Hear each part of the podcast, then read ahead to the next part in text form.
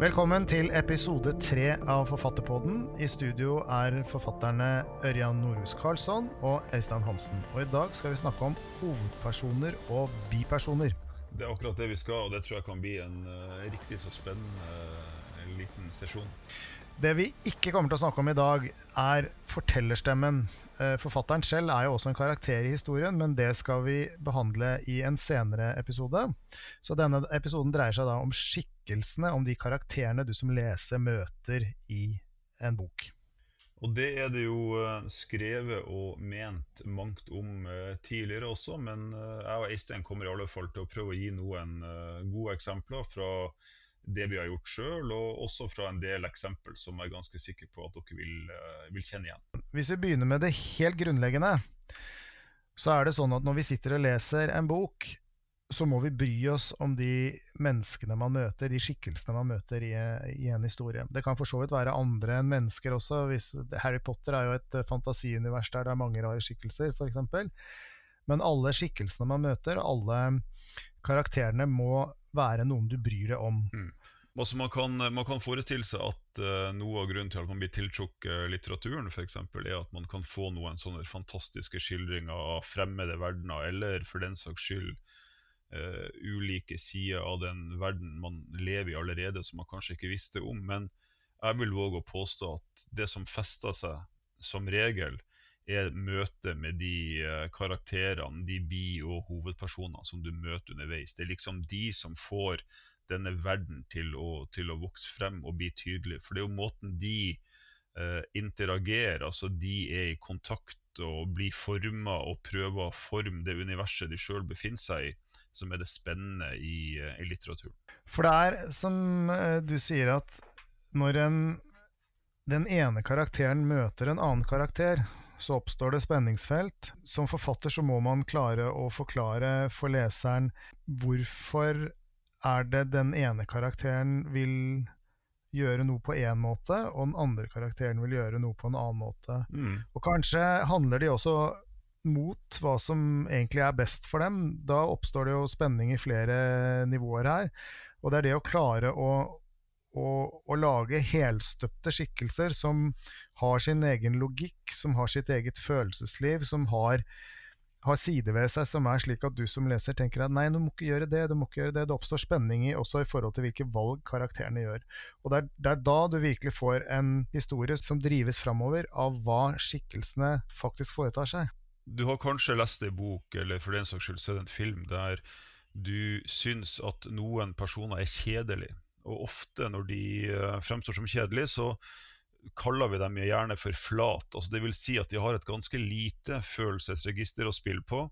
Det er ganske sånn predeterminert hva de faktisk kommer til å gjøre. Altså en, eh, en ond skurk som bare er ond, er egentlig en ganske kjedelig uh, karakter. Det er, det er liksom dette spennet mellom følelser, motivasjoner og måter å reagere på som er interessant. Og det er jo altså De beste modellene for å lage en god person til ei fortelling sjøl, den har du som sitter og lytter på dette, i verden rundt deg. Alle de personene du kjenner, har mange ulike sider ved seg. Og det å få disse sidene frem i de riktige settingene, som skaper uh, spenninger uh, mellom personer i en roman. Og så kan man jo spørre seg hva er det som gjør en karakter unik? Hva er det som gjør denne karakteren så spesiell at du ønsker å følge med, samtidig som kanskje det skal være en realisme i dette som du som leser da kan kjenne igjen. Og det er noe av kunsten her, at det fins ikke en eksakt oppskrift på hva er for mye, hva er for lite, hvilke egenskaper er det en skikkelse skal ha, må ha, bør ha, og du fortsatt klarer å opp opprettholde skal vi si, aksepten hos leseren da, for det du, har, det du har skapt.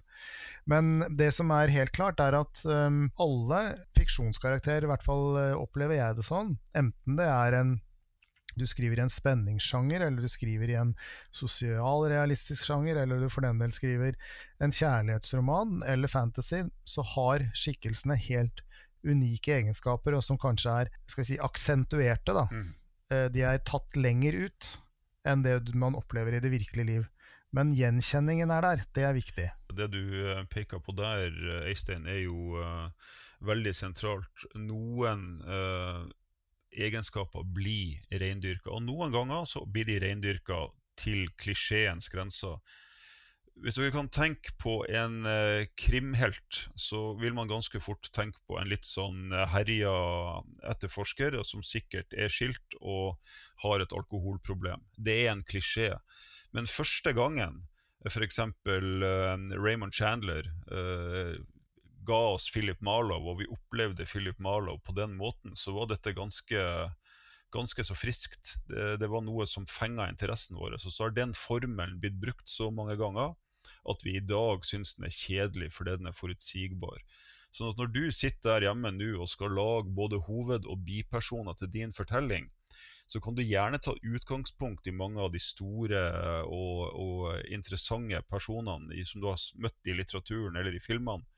Men du må klare å gi dem noe mer enn bare det som vi kjenner fra før av. Det er da de blir spennende. Men det å lete etter inspirasjon til karakterer, det er jo en, si, en 360 graders øvelse for en forfatter som pågår hele, hele tiden du er våken, kanskje egentlig når du drømmer også.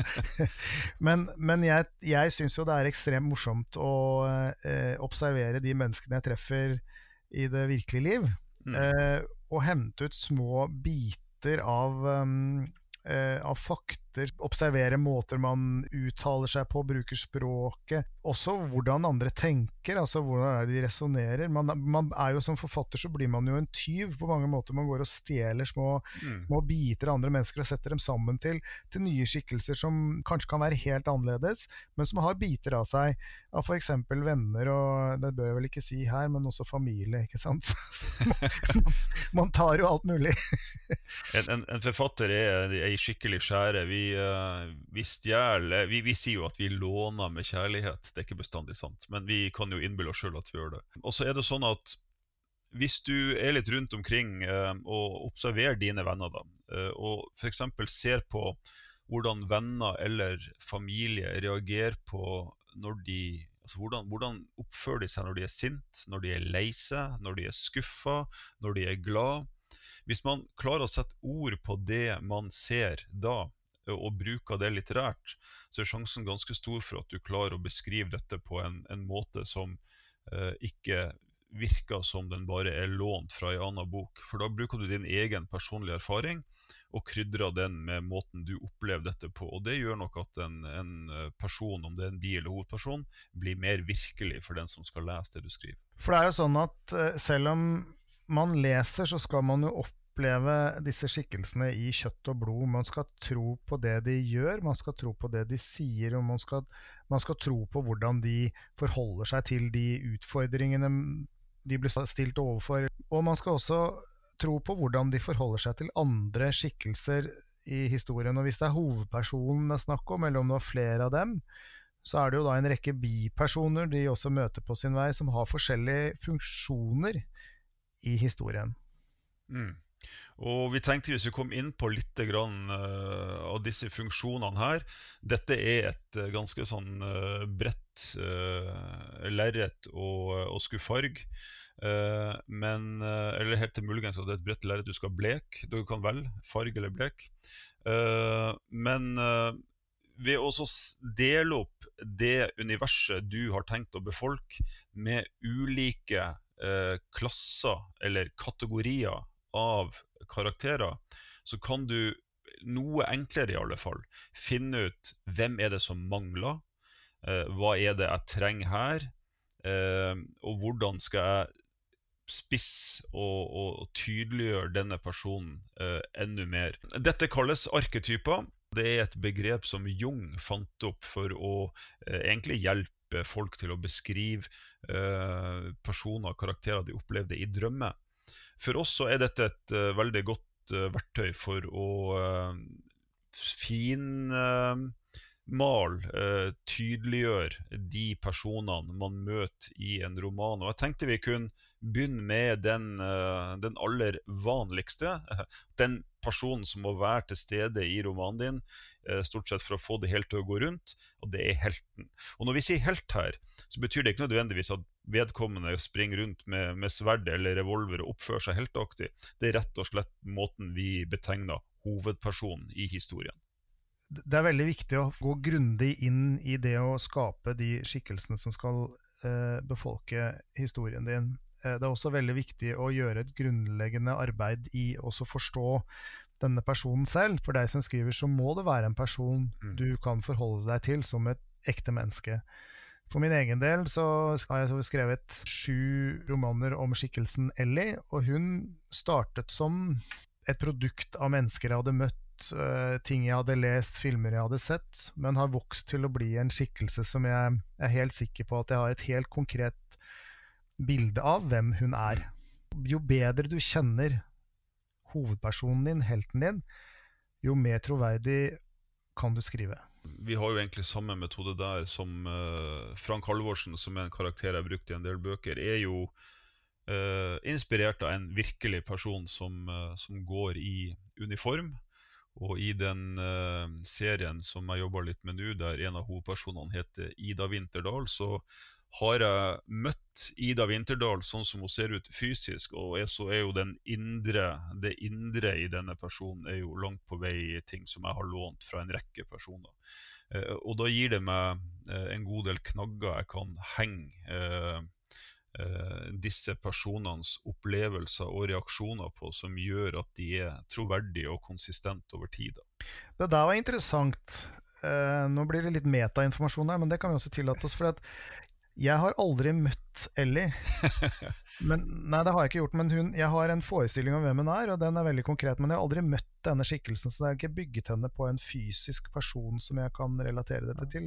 Det er, en, det er et fantasimenneske. Ja. Eh, nei, altså Ida Winterdal er den første som jeg med sånn uh, sikkert kun har peka ut og sagt at når jeg så denne personen, så visste jeg at det var sånn Ida skulle se ut rent fysisk. Men dette var jo en person som jeg bare møtte tror jeg var, og i løpet av en, eh, et par timer en, en, dag. Og har ingen nærmere kjennskap til hvordan hun er ellers. Slik at eh, det, det indre og, og motivasjoner og slike ting er jo, er jo det er min fiktive greie. Men det ytre er nok eh, ganske likt, sånn som jeg husker henne i alle fall. Mm. Det er jo veldig interessant at man tar en man tar et menneske og stapper eh, helt egne egenskaper inn i denne, denne, fysiske formen.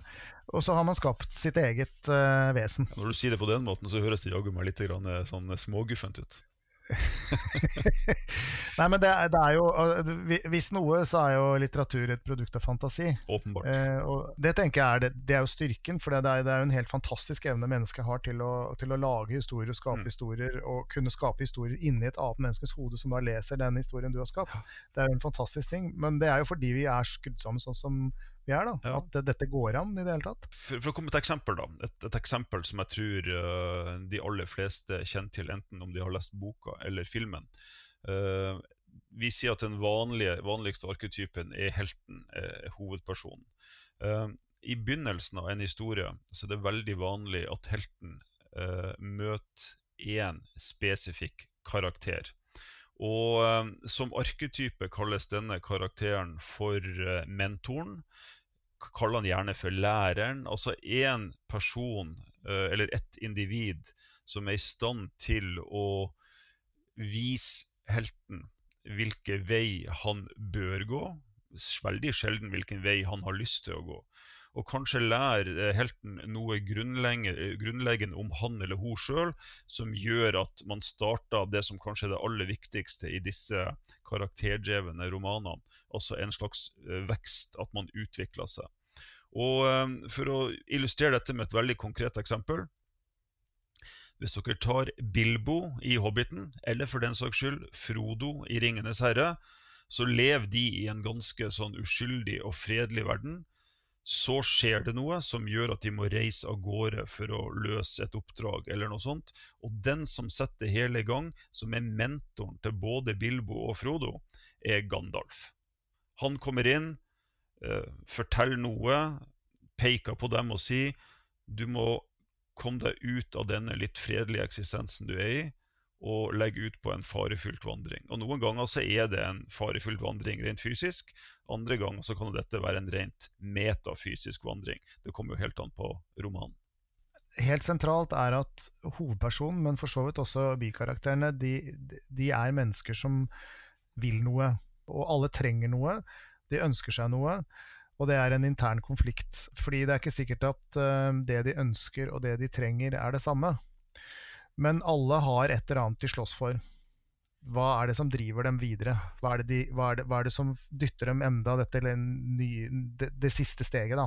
Mm. Jeg har lyst til å ta ett eksempel fra eh, krimlitteraturen, som eh, er kjent for de som, i hvert fall de som har lest engelskspråklig krim på noe tidspunkt de siste 30 årene. Det er Harry Bosch av Michael. Connolly. Mm. Um, Harry Bosch han har et uh, motto, og det er at 'everybody counts'. Så det vil si uansett hvor lite menneske du er uh, i samfunnet, er du, har noen gjort noe urett mot deg, så teller det like mye som om du er en stor person da, i det samfunnet du lever i. Han etterforsker jo da i all hovedsak drap, så er du drept, så skal man, han finne drapsmannen. Mm. Og Det er en driver det, som er veldig nyttig, fordi at det betyr at uansett hvilken sak han får på sin pult, så vet du som leser at han vil løse den saken, for det betyr noe for han. Det er et kjempefint prinsipp. Ja, og det er jo også noe som er det som er interessant med akkurat det prinsippet, er jo at det er jo virkelig drivende for, uh, for hvordan Harry Bosch agerer og opererer. Så du vet jo at når han kommer i konflikt med sjefer eller de han jobber sammen med, så er det jo ofte på, som følge av dette. Veldig ofte, faktisk. Så, eh, så, så, så, hvis man får til noe sånt, så er det veldig bra. Eh, jeg, jeg, tenker her, jeg har et annet eksempel. Du var inne på dette med hva helten ønsker av hva han trenger. Eh, det fins en, en britisk roman som nylig, ble, som nylig ble filmatisert av Benedict Cumberbatch, som heter Patrick Melrose. Patrick Melrose er da en uh, skildring av da Patrick som hovedperson, og det er overklassen i England. Og hvor ulykkelig og fælt de har det. og Nå kan det høres ut som jeg er ironisk, men, eh, men, men det har de da virkelig. Og uh, her er det en veldig sånn klar konflikt med hva denne hovedpersonen ønsker, og hva han trenger. Og det han ønsker, er jo å, å ha alt dette som dette overklasselivet gir deg. Eh, vær til stede, vær synlig, føle seg viktig uh, gå på disse festene, gjøre alt det som man, uh, man rent sånn uh, tror at man burde gjøre i en sånn setting. Mens det han trenger, er jo egentlig egentid, familie, nærhet, venner som er mindre overflatiske enn de han har rundt seg. Fra og med første egentlig scene så forstår du at det er dette han trenger, og så er det det andre han strever mot. Noe som skaper en veldig spennende konflikt inne i hovedpersonen sjøl. Det kommer veldig godt frem både i boka og i filmen. Uh, det er en TV-serie, er det ikke det? Rian? Den ligger som alle vet på HBO. Den kan anbefales der. Og uh, Cumberbatch er jo uh, en, en, veldig god skuespiller når det gjelder å få frem den indre konflikten. Da. Og en annen TV-serie som også kan anbefales som et studium i hva folk trenger og hva de ønsker seg, det er The Crown. Mm. Egentlig så er ikke sånne kostymedramaer som jeg trodde dette var, eh, noe jeg interesserer meg for. Men etter å ha sett den serien, så sitter jeg igjen med et eh, inntrykk av at det er faktisk veldig synd på disse menneskene som er født inn mm. i kongefamiliene. For de har ikke muligheten til å skaffe seg det livet de faktisk burde hatt, det de trenger for å utvikle seg som mennesker de er låst i en situasjon der de selv ikke har kontroll på det som påvirker dem. De har ingen mulighet til å velge fritt, slik vi andre har. Og det ender med at du får en ganske dysfunksjonell familie. De har alt når det gjelder det materielle og standing i samfunnet, men når det gjelder det følelsesmessige, som alle mennesker trenger, mm. så er det et stort, stort underskudd. For øvrig, Øystein, når når jeg tenker på kostymedrama, så tenker jeg jo alltid på det. Så jeg forstår ikke helt det her du sier med at du ikke tror det var noe for deg. Ja, ja. men, men, men eh, et godt sånn eh, i virkelig livet eksempel på akkurat det du sier. The, The Crown har jo eh, Altså, det er jo basert på virkelige hendelser. Og dette her med å ha noe som du egentlig ikke ønsker fordi at du vet at du trenger noe annet, er jo veldig eh, godt personifisert og eksemplifisert gjennom eh, Edvard den åttende, der han frasa seg trona i 1936 for å gifte seg med en uh, Tar jeg ikke helt feil her nå, Eidsnes, så var det ei fraskilt amerikansk dame. ja, Wallis Simpson heter hun.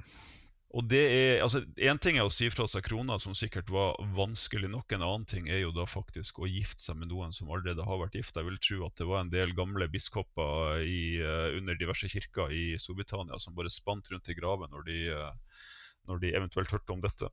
Sånn at eh, det valget, bare forestill dere det valget man tar da.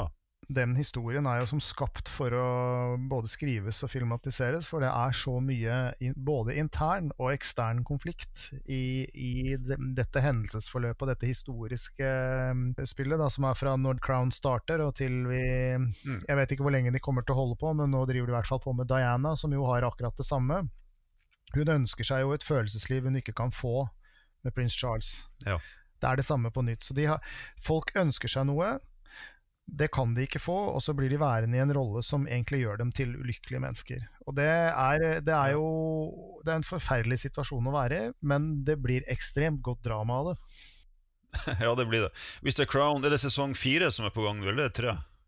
Nå er det fire. Ja, så jeg tenker at Når de lager sesong seks, er det mer science fiction. For da slipper de vel opp for, uh, for virkelige personer. uh, men men altså, vi har vært inne på hva en hovedperson, eller for den saks skyld en biperson, trenger, og uh, hva, den, hva den ønsker seg. som kan være to ulike ting.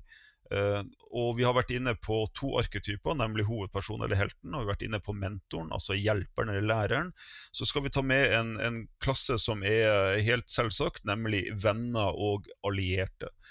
Og det er jo ofte det disse romanene er befolka. I, I, Harry Potter så er det jo veldig tydelig at man har uh, disse, disse, nærmeste rundt Harry Potter er jo de viktigste vennene han har.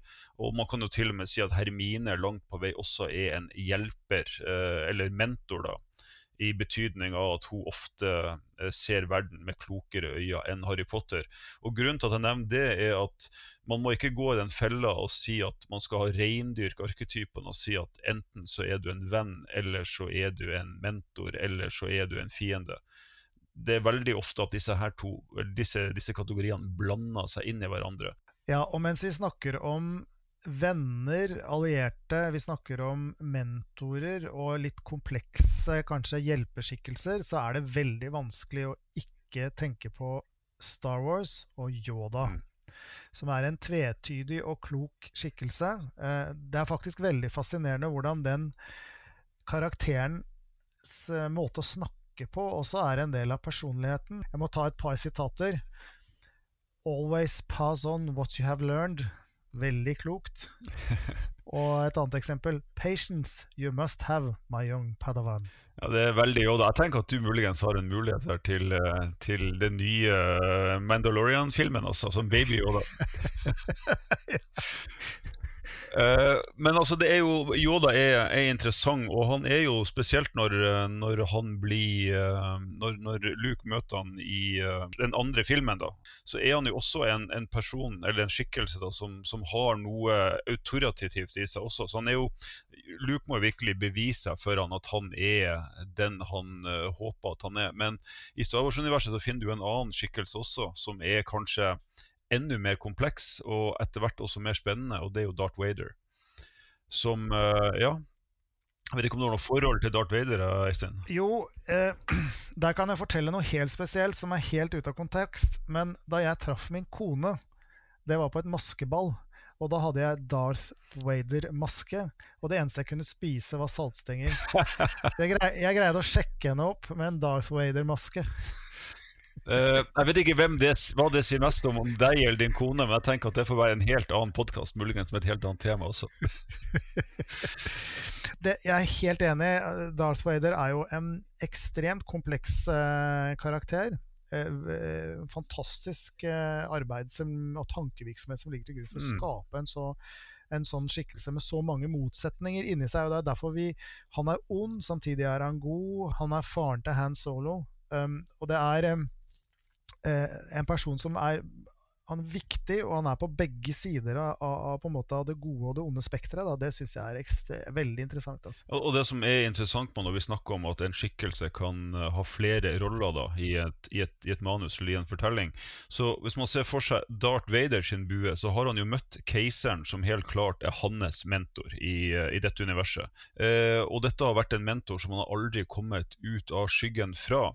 Slik at han bruker jo tre, eh, de tre filmene til å, å finne sin plass i verden og, og, bryte ut av dette grepet som keiseren har over ham. Slik at det er også en interessant måte å se mentorrollen på.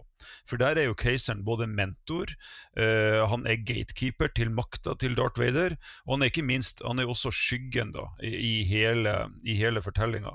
Sånn at uh, jeg tenker at når man setter seg ned og skal lage uh, gode karakterer i et manus, enten om det er til film eller da til en roman eller novelle, så er det veldig ok å tenke hvordan vil disse ulike rollene i en og samme person gi seg uttrykk i måten vedkommende handler på.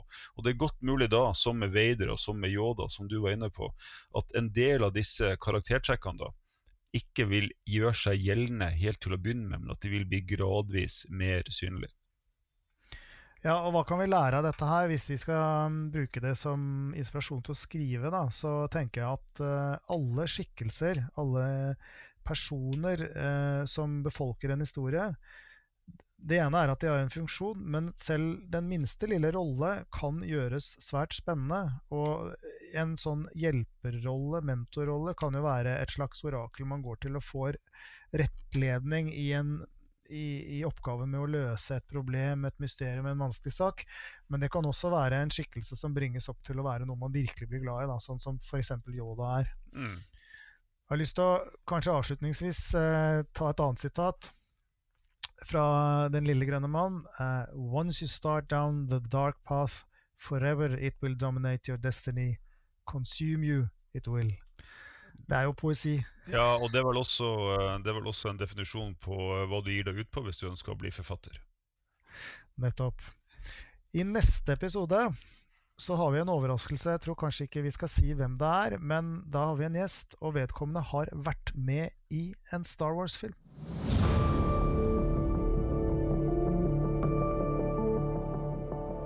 Intet mindre, faktisk. Og han er også en av de mest eh, toneangivende spenningsforfatterne vi har i Norge i dag. Såpass kan vi vel si? Det kan vi si. Så da får dere vente i spenning. Tusen takk for at dere hørte på. Takk for oss.